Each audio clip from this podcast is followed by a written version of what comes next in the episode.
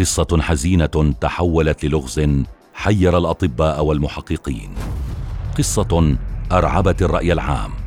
ليس فقط لفظاعة الجرم بل لغرابة أحداثها. سنرويها لكم في حلقة اليوم من سلسلة المجرمين الصغار والمراهقين. هذه القصة ستدهشكم كما ادهشتنا بالضبط وكما أثارت الدهشة في نفوس كل من قرأ تفاصيلها. لذا لا تفوتوا هذه الرواية التي تكاد أن تبدو لكم وكأنها مقتبسة من فيلم خرافي.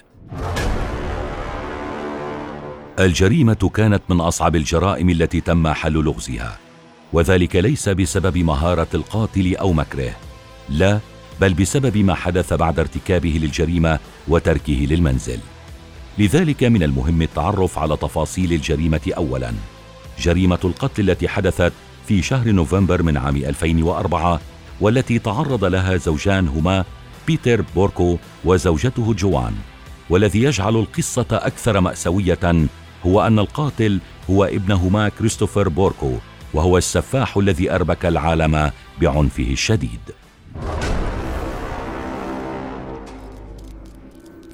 هاجم والده وأمه في الليل فجأة أثناء نومهما مستخدما فأسا كبيرة وحادة جدا حيث قام بضرب والده أكثر من عشرين مرة. ضربه في الرأس حيث اخترقت جمجمته ودمرتها وتهشمت تماما. حصل ما يفوق التخيل وأزيل الفك بالكامل. قام كريستوفر بضرب أمه بنفس الفأس أكثر من مرة في رأسها ولكنها بقيت على قيد الحياة لحسن حظها وأصبح وجهها مشوها تماما. دعونا نعود معكم إلى الأب فوضعه هو كان المثير للعجب. فهذا الرجل ضرب أكثر من عشرين ضربة في الرأس وأصبحت رأسه شبه مهشمة تماما والفك يكاد يكون مقلوعا بالكامل بمعنى أنه لا يمتلك وجه.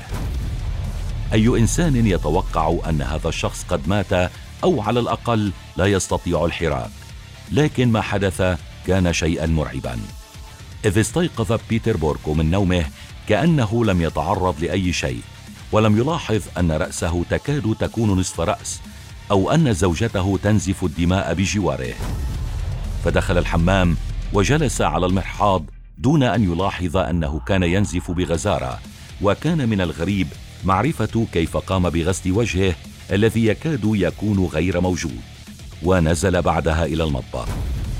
قام بعدها بغسل الأطباق وتحضير الإفطار وتوضيبه في حقيبته. وكل هذا وهو نصف ميت. أما إذا كنتم تعتقدون أن هذا غريب فإليكم الأغرب. إذ الأكثر رعبا هو أنه كان هناك آثار تدل على أن بيتر خرج من المنزل لياخذ الجريدة وأقفل على نفسه باب المنزل وهو في الخارج دون أن يدري. وكأن لديه ادراكا كافيا أن يتذكر أنه يوجد مفتاحا احتياطيا تحت نبتة مميزة في الحديقة فقام بفتح الباب والدخول مرة أخرى.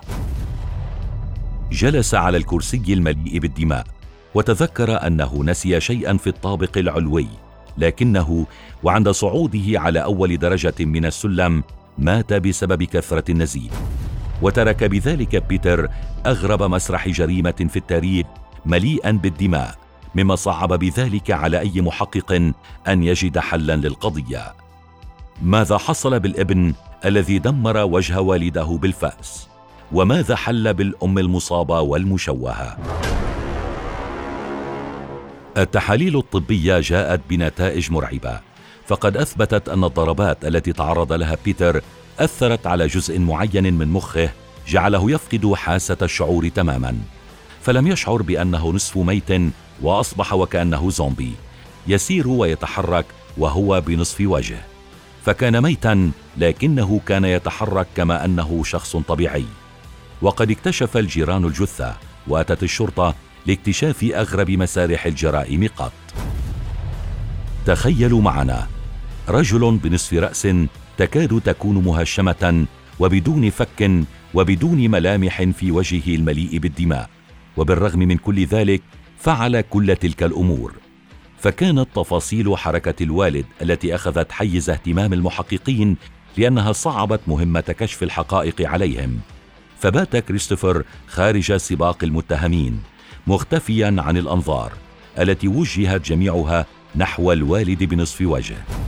لكن ما الدافع وراء الجريمة؟ ولماذا قام الشاب بهذا الفعل الوحشي؟ وبحق من؟ بحق أهله. بعد التحقيقات المطولة والمعقدة تبين وبعد إلقاء القبض على كريستوفر بأن السبب الحقيقي وراء ما فعله هذا القاتل هو أنه قد استدان اموالا طائلة من البنوك وكان مهددا بالسجن. لذلك وجد في قتل والديه فرصة لدفع أموال الديون.